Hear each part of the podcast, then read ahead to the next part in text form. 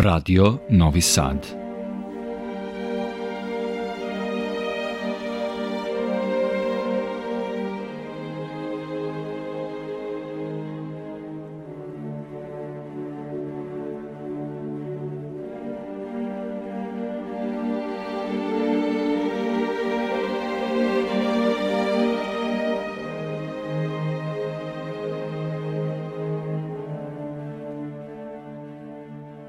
Dobroveče, poštovani slušalci.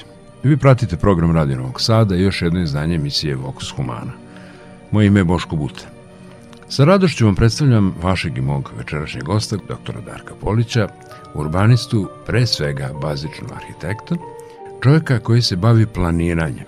Dakle, mnogi bi sada skočili i rekli, aha, to je jedan od onih ljudi koje treba da hvatamo za gušu, a mi ćemo shvatiti zapravo šta je urbanističko planiranje, šta je prostorno planiranje, šta sve čovjek koji se time bavi mora da zna, između ostalog naš sagovornik je, osim svih svojih ostalih subspecijalnosti, vrlo, vrlo verziran i u tehnici i tehnologiji izgradnje koju je u toku postdiplomskih studija proučavao. Bliski su mu stilski žanrovi i žanrovske odrednice, bliska mu je umetnost, bliska mu je muzika, bliski su mu epohe.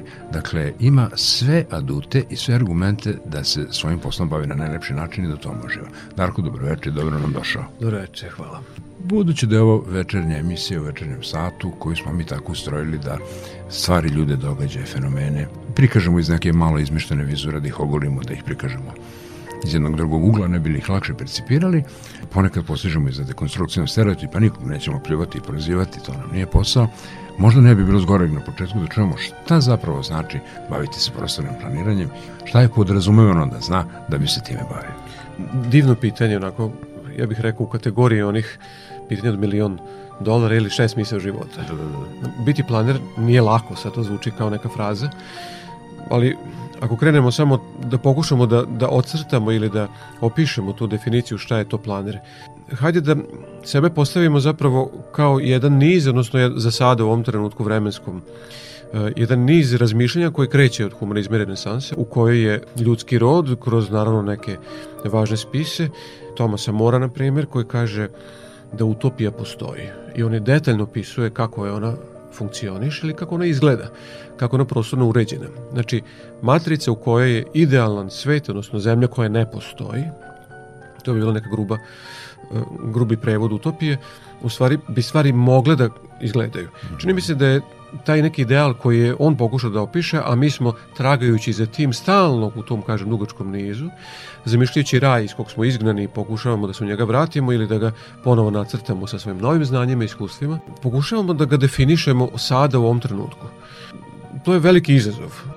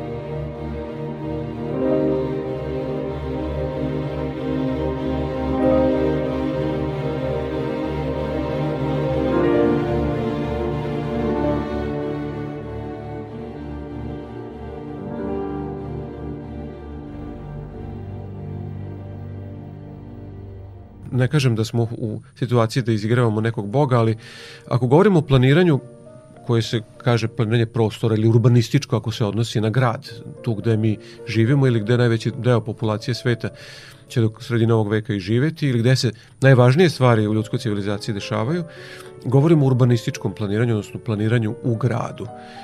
Složenost, slojevitost takvog jednog života teško je opisati. Možemo da naravno zamislimo i da kažemo kao prvu i najznačajniju, ili bar meni se čini najznačajnije, bavljanje planiranjem je kao struktura kristala kvarca. Znači, ti atomi jako malo vibriraju, toliko malo da su zapravo oni svi zajedno u jednoj stabilnosti na kojoj možemo računati. Bilo koja urbana funkcija ili određeni segment malo jače izmesti ili se preoptereti, ostali svi padaju, odnosno postaju klimavi yes i nepostojani. Možemo reći da je to nekad se zvalo ili ne tako davno održivost, danas se zove otpornost ili rezilijentnost. Kažu da, da to nisu dve iste stvari, ali radimo na tome.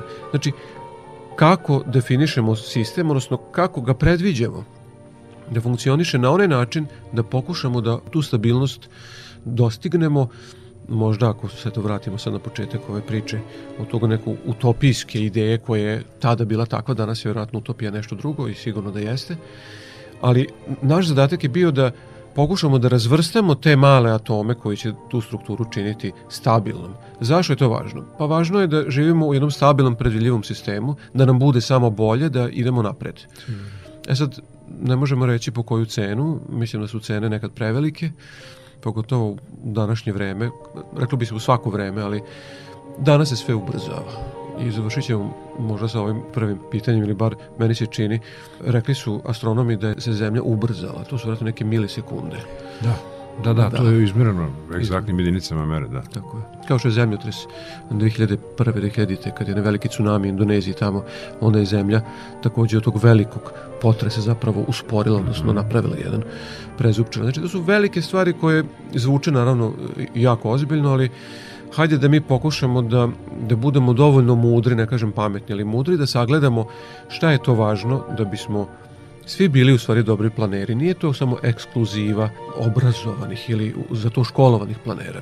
Naravno da je svako ko je obrazovan u nekom profilu ne mora da znači da je najbolji u tome, ali hajde da sebe sad postavimo opet u centar svega, da se vratimo u to divnu renesansu, kada je sve bilo onako po defaultu namešano na osnovne postavke i da pokušamo da malo više učestvujemo u tome i da jedni druge postavljamo na dobra mesta, prava mesta, da zajedno činimo to jedan kristal.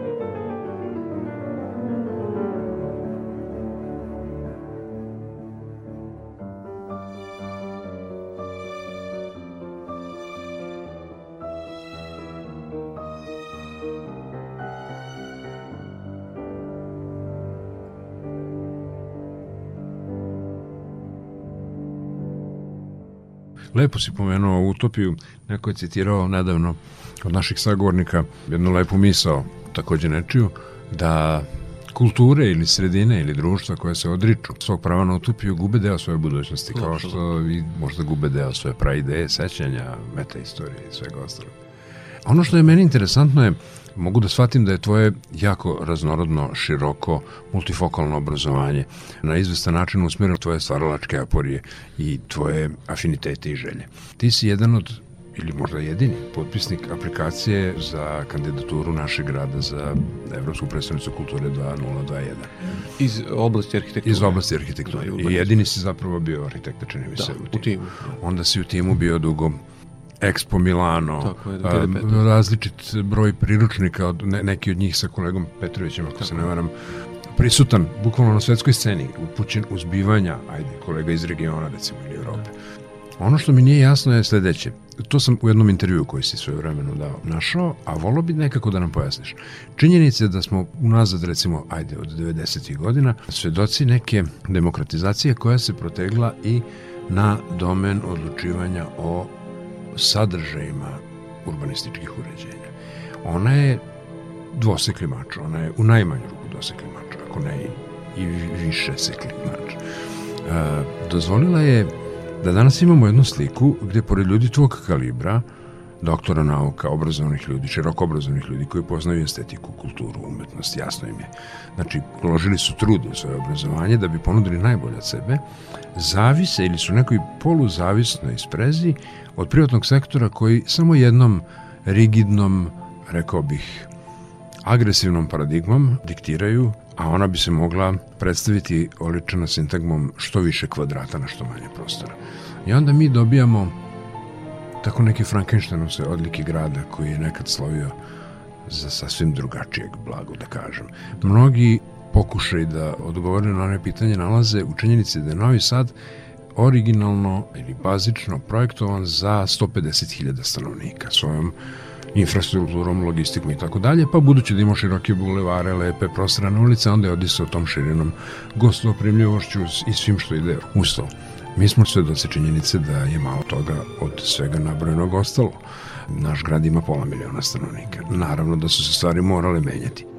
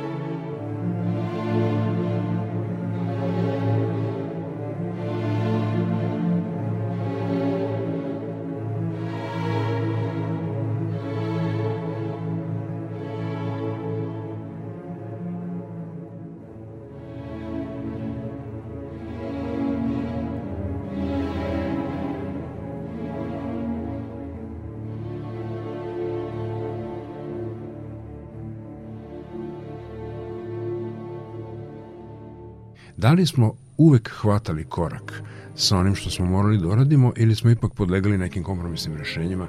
Verovatno da da. Pa, odlično pitanje, složeno i, i jako dobro, ali prvo što si rekao je, rekao si vizija. Da.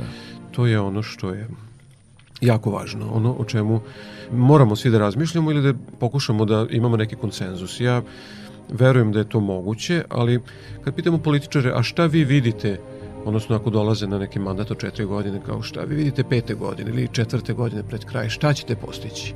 Tako je. Šta je to što, čemu vi težite ili u nekom e, okviru koji vam je dato funkcionisanje, šta vi nama obećavate?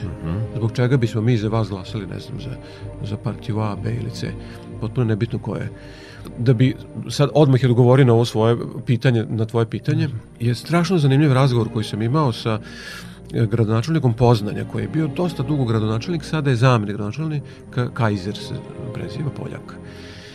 E, Njegova priča je jako zanimljiva, možda može nama pomoći da shvatimo gde smo mi danas ili kako sad taj gradonačelnik tamo bio toliko uspešan, ne znam koliko mandata. Samo dve rečenice o Poljacima koji su strašno zanimljiva jedna nacija. Kada se desio pad komunizma, on je dosta jasno krenuo iz poljske solidarnost. Sindikat i tako Lech Valensa, koji je bio nosilac, mada ne e, intelektualna vertikala tog Da, pokreta i da, svega. druga vrsta potencijala. Da. Tako je, koji je dobro iskorišćen, ali gradonačelnik Kaiser je mlad čovek te generacije poslat u neku Ameriku ili u Englesku, tamo se školuje, vratio se u Poljsku, ne da bi ta, nije uzet da bi tamo ili otišao tamo da bi ostao, nego se vratio. I on je u nekom trenutku ta partija koju on vodio dobila vlast u Poznanju i on prvo što je krenuo počeo da pravi razgovore s građanima. Pozvao je građane i to od vrlo jednostavnih stvari. Da ova ulica nije važno koja, promeni smer zato što to donosi boljitak ovakav, ovakav, ovakav u jednom sistemu saobraćaja. I pojavili su se neki ljudi, prvo onako od e, samo interesovanja, onda iz znatiželje, i radeći tako, na jedan od ovih vrlo važnih načina tako sa ljudima, došlo je, njegov reizbor je pošao lako, e sad drugi reizbor je već bilo, aha, neke partije su rekli, pa dosta više sa vama, hoćemo mi, mi obećavamo za Poznanj metro. A građani u dosta velikom broju, tako naučeni u tih 8 godina, kaže, ne lupajte gluposti, Poznanju ne treba metro iz tih tih razloga. I on opet dobije mandat što je jedan fantastičan, fantastična priča u kojoj možemo da kažemo da sva snaga leži u narodu, ne onako razi floskule demokratije, ali Jasno, jasno. ništa nije održivo. Da ne kažemo, neću se vraćati na taj kristal, ima da mi se sviđa ta struktura jako je vizualna. Mi ne možemo da postigamo ništa ako smo sami, ako nas je dvojica, kažemo mi ćemo sad promeniti grad ili mi hoćemo ovo, ne možemo ni sa kim da radimo, da se dogovorimo, eto mi ćemo to tako. To je mehur od sapunice koju smo mi sada pustili u etar i on će da nestane za dve sekunde.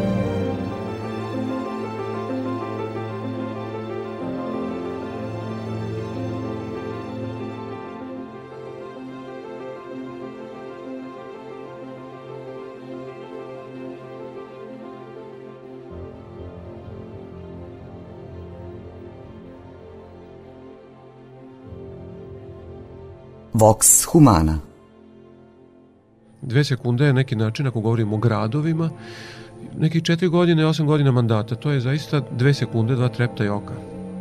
Šta bi onda mi mogli od toga da naučimo?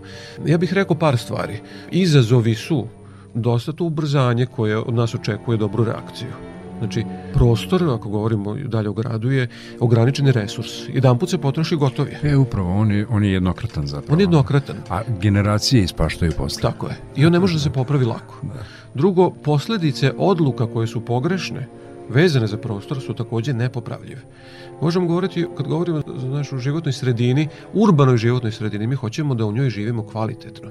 Znači, ako unišemo deo prirode, uništavamo život u tom segmentu od malih onih mikroba insekata do poslednjeg drveta. Nije posečena šuma drvna građa. Tako je. Nego je ubijen jedan svet. Tako i mi ako na jednoj parceli nešto uradimo, a to je bilo drugi deo tvog pitanja, kako je to tako neusaglašeno? Mi takođe pravimo neku vrstu trajnog oštećenja grada. Znači, grad mora da bude usaglašen. To se postiže na različite načine, odnosno mehanizme koje i naše zakonodavstvo prepoznaje. Šta to u stvari znači?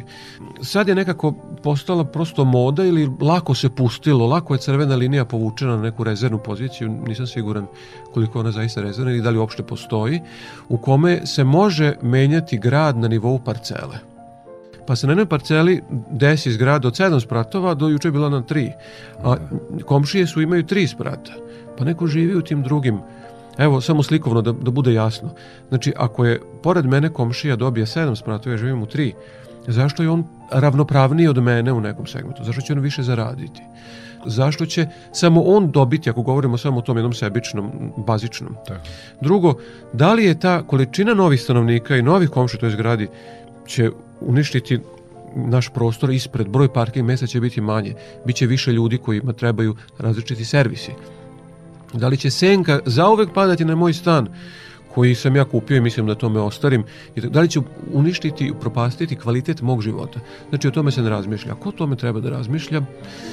Evo ja ću reći, treba bi da raditi urbanistički planeri. I onda opet pokušavam da povežem tačkama tvoje pitanja da li sam ja jedan novosadski urbanista koji je u istom onom nizu onih koji su, na primer, srušili malu jevrejsku ulicu ili su klimnuli nevoljno glavo, kiselo, eh, kada se Jermenska crkva brisala gumicom da. 58. godine i planirala za rušenje, pa kao eto ja samo radim posao, neki drugi mi je to rekao.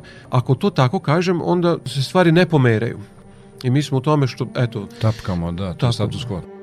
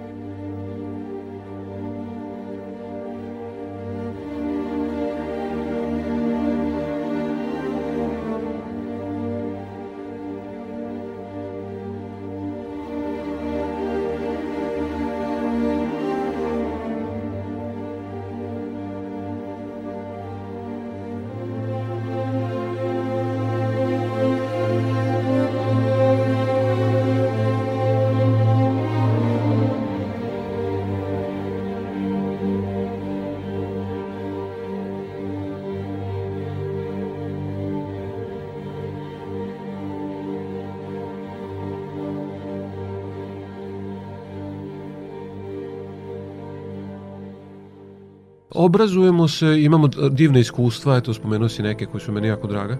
Slušamo druge pametne ljude ili vidimo kako druge gradovi funkcionišu, ali dekodiranje uspeha tih drugih sredina je dragoceno za nas, ali je potpuno besmisleno ako to dekodiranje, odnosno tu šemu koju mi smo videli, ne možemo ovde preneti.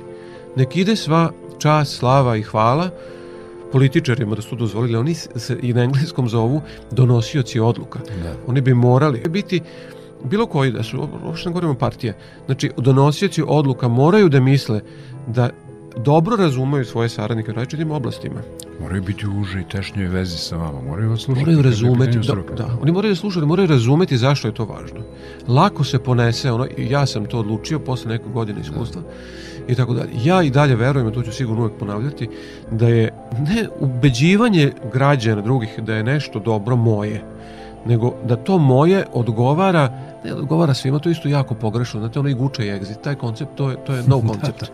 To, to je onda nema vizije, onda je vizija da svi budu zadovoljni, da svi imaju, ne znam, neki minimum, od toga nema napretka nego da oni razumeju šta je važno. Ja mislim da je to jedno pitanje, šta je važno, gde da se potrošimo, u šta da uložimo energiju, oko čega da se uhvatimo grčevito, a šta možemo, možemo i da pustimo.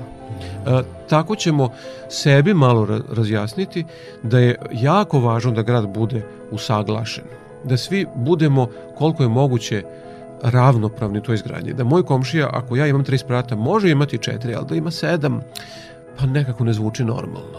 A to nenormalno zvuči, onda može se kaže nepošteno, nefer, sa velikim posledicama na sve i tako.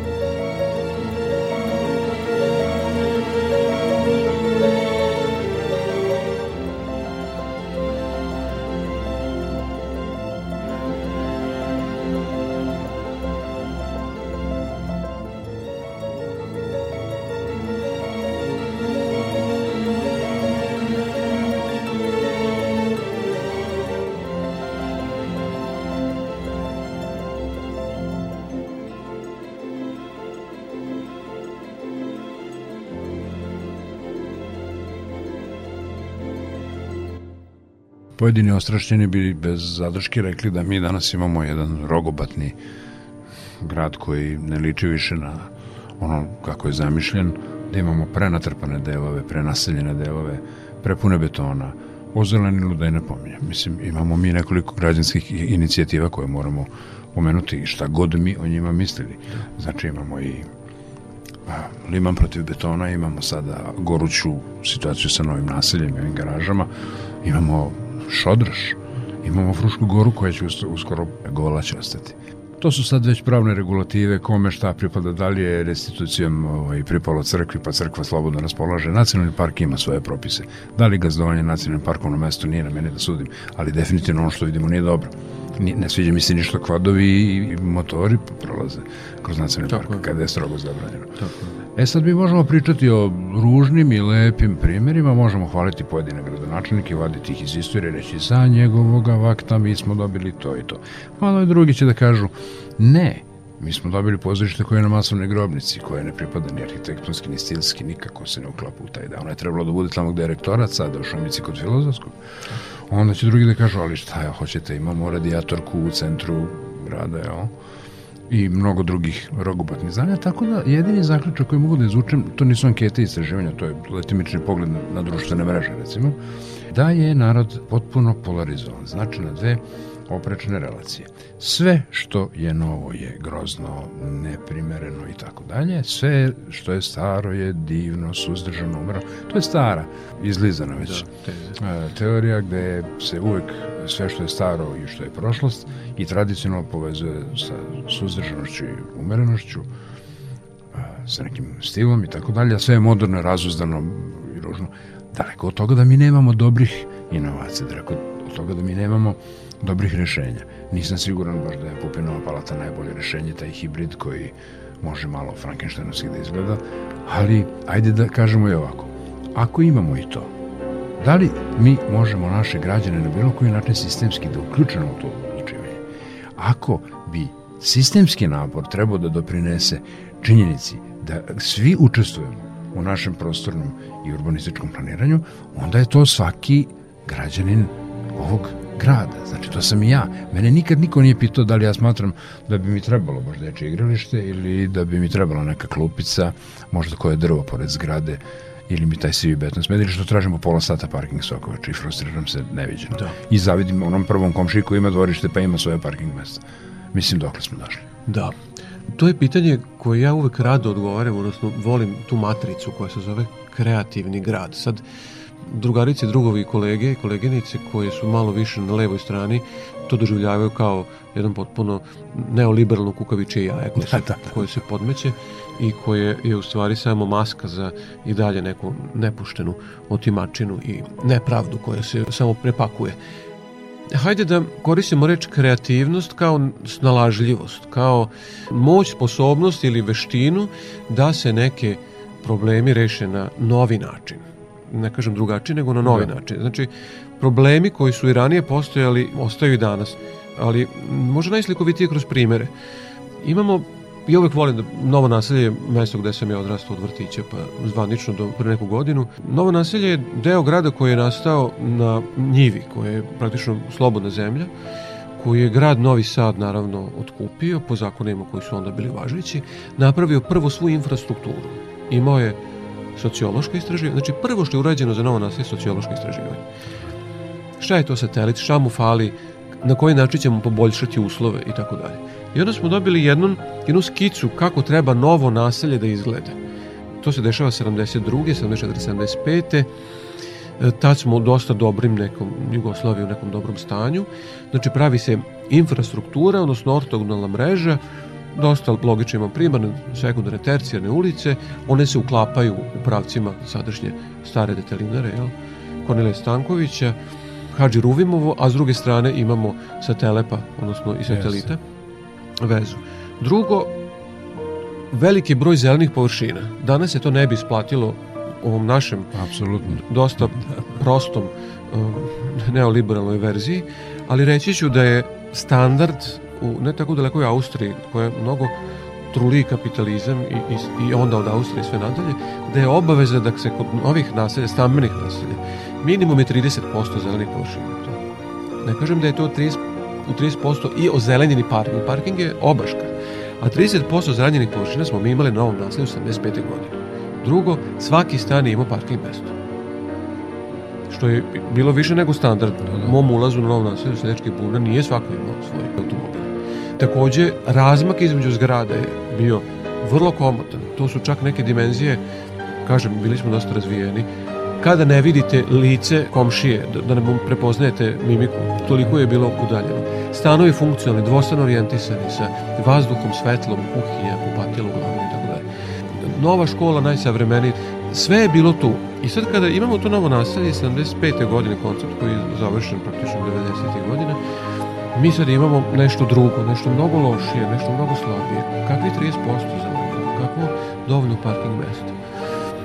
Zašto je to tako? To je ta tema onako doktorske teze, ali koja je bila jako zanimljiva sa svojim hipotezama, postavljenim onda i nalazima, ali mi smo to videli, znači mi to možemo. To hoću da kažem. Mi možemo.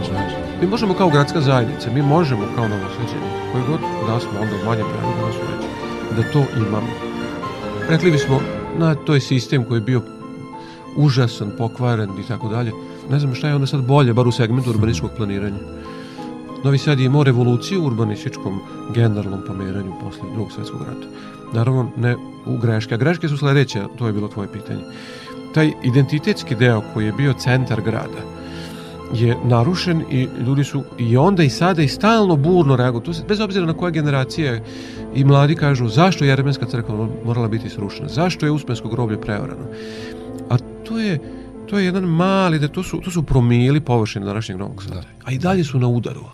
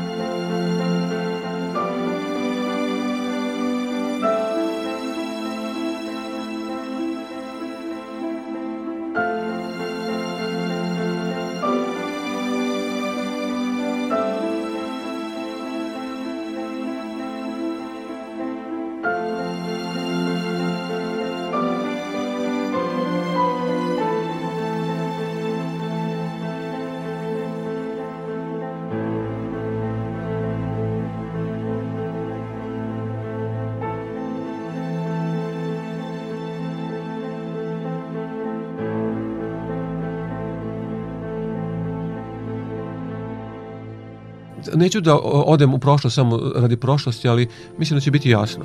Prvi gradovi su imali, kada se odvojilo, sad to će biti neka socijalna istorija čovečanstva, kad su se poljoprivrednici ili trgovci odvojili, a ova ratnička klasa koja čuva taj trg gde se trguje, koja čuva ove poljoprivrednike da im neko ne otmene zapali žito, su naravno imali svoju citadelu u kojoj se čuvaju viškovi robe, u kojoj oni to brane za sve nas. I taj prostor je naravno posle morao da ima neku božansku šapu, da ne kažem da bude sveti. To je sveto zemljište, Egipćani to prikazuju kada faraon kroči na to, onda skine sandale pa mora bos. Da, da, da, da ne sme da, što bi rekao, izvodite papuče ovaj, na, na otirač upravo zbog toga se to radi. Znači, to je najsvetiji deo. Partenon je najsvetiji deo Atine, a onda vremenom postoji i grčke, grčke demokratije u svakom smislu. Znači, centar grada je najsvetiji deo grada gde se svi naši identiteti mogu pročitati. Oni su kreirani od neke elite koje u to vreme to stvarala, razumela u nekom boljem vremenu i kulturi ponašanja i zidanja i dozvola koje je tadašnja gradska vlast definisala, to odlučila da to tako bude. Različite verske konfesije u Novom Sadu su se jako trudile da svoje hramove prikažu na najbolji mogući način. Nije to rekao vladika Bački, samo to ćemo da. tako, nego imao bio je to jedan, jedan slojevit, jedan obrazovan svet koji je rekao mi sad, mi sad nemamo para za novu sabonu crkvu Svetog Georgija, ali možemo da je ulepšamo. Imamo novi ikonostas, imamo nove vitraže, imamo novi nameštaj. Total design, fenomenal Pajo Jovanović ikonostas i imamo naravno novu zvoničku kapu. Zvonik je malo popravljen, stradao je u buni. Divna, ogromna, fenomenalna, možda meni najlepša da li sam na nju navikao. To se dešava kada katolici prave novu župnu crkvu imena Marijinu, Tako. onu staru. 700 i ne znam koje godine krajem 19. E, veka radi Đerđi Molnar. Đerđi Molnar je, on, on kaže obnovitelj, zapravo nije, on je potpuno podigao. Tako je. Pošto je ova stara potpuno srušena. I, I sinagoga se pravi. I sinagoga Baumhorn 904. 909. završeno. 9, da. Znači, e, jedne druge smo hrabrili da se malo takmičimo i da ponudimo svoj kreativni odgovor na te izazove. Znači, u identitetskom smislu, centar Novog Sada je užasno važan. On je, kažem, mali, rekao bi moj dragi prijatelji urbanista iz Rijeke, Srđan Škunca, kaže, znaš, ja kad stanem na trg Slobode i sad pogledam tu gradsku kuću, ja kažem, ovo je grad od 50.000 stanovnika. Da. To je njegov razmer. Da, da, da. E, jasno da smo mi jako porasli, ali da mi se ne možemo taj centar zameniti, napraviti ga većim nego što je bio, ali moramo ga čuvati, jer ljudi se ne šetaju baš Hadži u ulicu i u tom uživaju, da. ni malo, nego da, dođu u centar, pa se parkiraju, nemaju gde i tako dalje.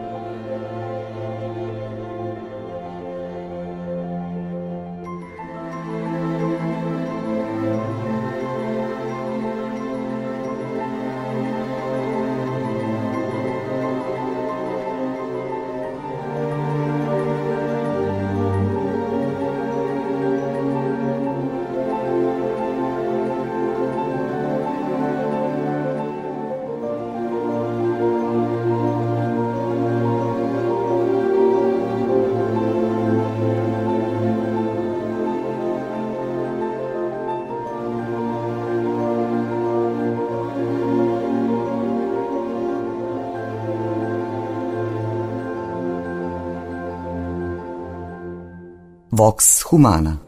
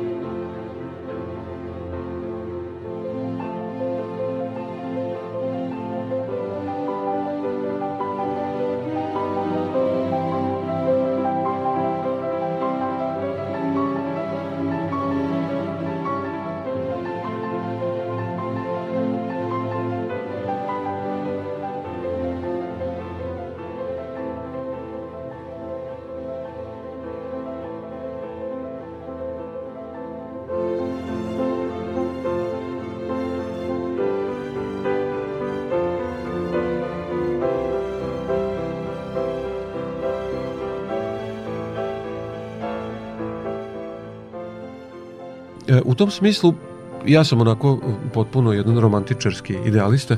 Imao sam jedan, dva teksta o mogućnosti obnove Jermenske crkve i čak sam se dopisivao sa prethodnim predsjednikom Tomislavom Nikolićem. Mm -hmm.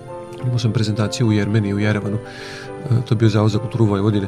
I bilo je dosta zanimljivo i imam još uvek taj neki dopis da je možda moguće obnoviti toranj Jermenske crkve kao neki simbol i tako da mala evreska možda isto moguće obnoviti. Imamo dosta elemenata kad bismo se potrudili, kad bi nam to bilo jako važno.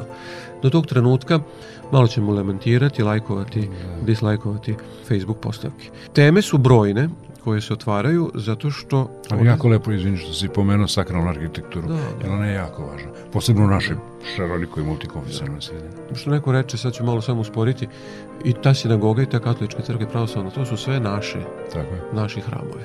Mi ih volimo. Da ne pripadaju svima nama, da, da, da. I to je taj kvalitet kulturnog nasleđa. Ono je iznad vremenski, iznad konfeksionalno, međugeneracijsko, to je sve naše. Mi to treba da volimo i ljubimo kao svoje i možda je baš to kvalitet našeg novosadskog identiteta, ajde da ne kažemo vojvođanskog, ali savremenog. Mi smo došli opet na to.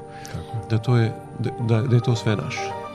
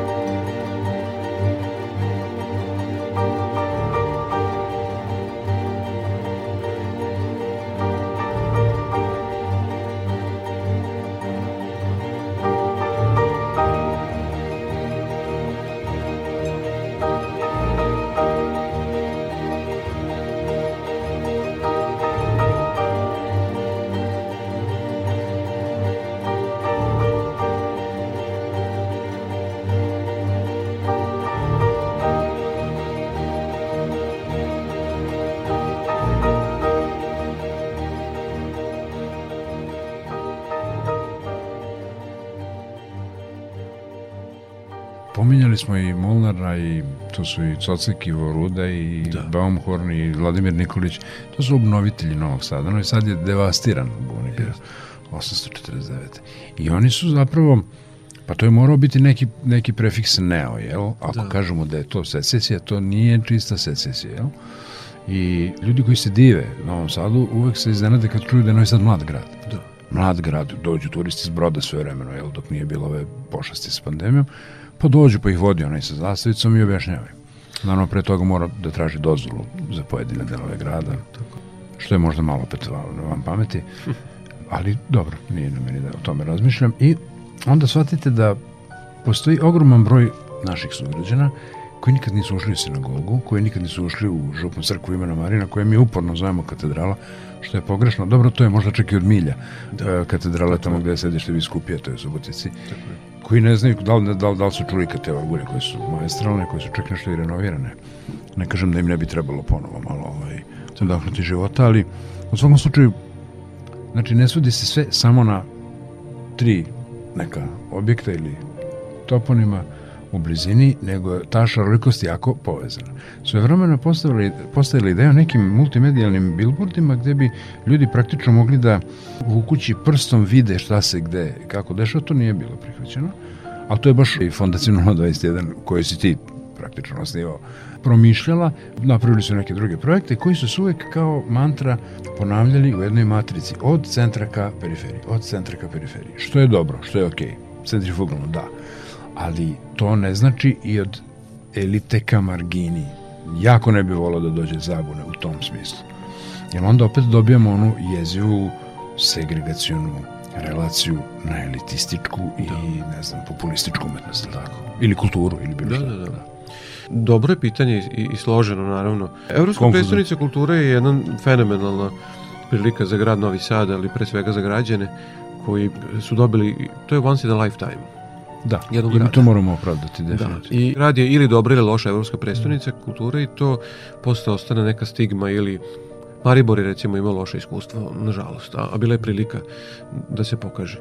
Meni su zanimljivi srednjoevropski gradovi, srednje da, da. veličine koje da, se da. možemo porediti. Temišvar je, uh, si bio, mislim, bio 2007. godine, a, a sad je uh, Temišvar drugi put uh, rumunski grad. Zbog toga što je to prilika i u našem vremenu i za vreme našeg stvaranja, da ne kažem, prirode kada smo najplodniji i ne kažem samo neke srednje generacije, nego svi mhm. mi koji smo živući i razmišljajući i radini ljudi koji treba dobro iskoristiti, koja je prilika da se stvari poprave, koja je prilika da se kultura koristi kao platforma za popravljanje stvari, mi smo se opredelili, odnosno naši savjetnici, da tu budu mostovi. Znači, mi zidemo mostove. To je novosadska frustracija iz 90-ih. Da. da su mostovi srušeni i da ih mi obnavljamo i onda je toga postala na fina priča koja može da bude novosadska i čini mi se da jeste jer mi jesmo bili most, mi smo grad most. Apsolutno, jedna lepa metafora, da. Da, i to je jako dobro i, i zanimljivo i naravno na engleskom je to zgodna igra reči, bilo je four new bridges, odnosno mm -hmm. za nove moste, odnosno four new bridges, četiri, četiri da, da nova mosta.